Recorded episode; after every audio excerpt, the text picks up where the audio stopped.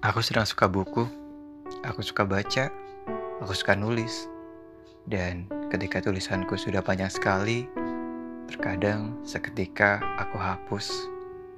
Padahal sudah sedemikian rupa kata yang kuketikkan di keyboard kecilku, namun rasanya itu nggak pantas. Jadi aku hapus saja dan hilanglah seketika.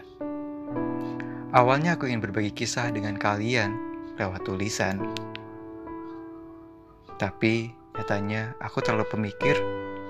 Gak mudah buatku untuk melakukannya.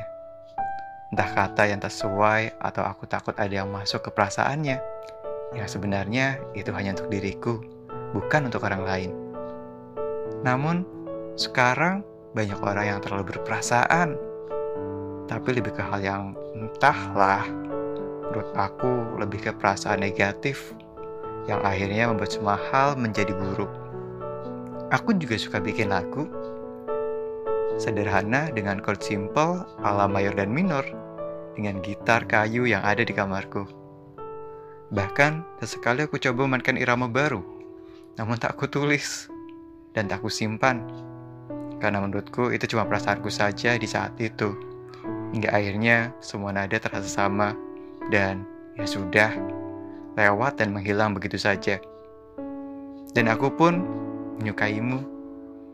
Iya, kamu yang jauh di sana yang aku hanya bisa menebak sedang apa, lagi apa, dan bagaimana perasaannya. Lewat status di sosial medianya. Dialah kaki yang kulihat berpijak di suatu tempat. Apakah itu tempat impian? Mungkin iya, karena aku pun bermimpi bisa berpijak di bumi yang sama dan berjalan melangkah bersama. Tapi lagi-lagi ku hanya bisa merasakannya. Dan terkadang aku mencoba membiaskannya. Aku merasa tak pantas. Jadi cukup ku mengetahui dia baik-baik saja untuk saat ini dan itu udah cukup. Terkadang updatean sosial medianya membuatku tersenyum dan sedikit tertawa Walaupun aku tak tahu seperti apa yang sebenarnya dia rasa, tapi yang aku tahu setidaknya saat ini hatinya tidak sedang terluka. Aku tak menunggunya dan aku tak mengejarnya.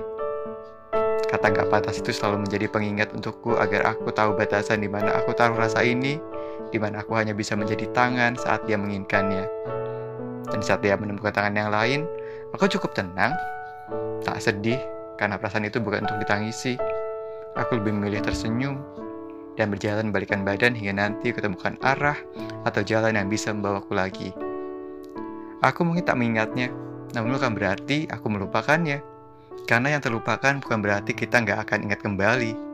Terkadang Tuhan memberikan sentuhan manis, di balik rasa entah mungkin nanti, sebuah kertas tebal dengan lipatan dua atau tiga, dengan sentuhan warna sakura, di kertas itu dan sepasang burung merpati atau sepasang cincin menjadi simbol di sampulnya, datang menghampiriku agar aku mengingatnya kembali.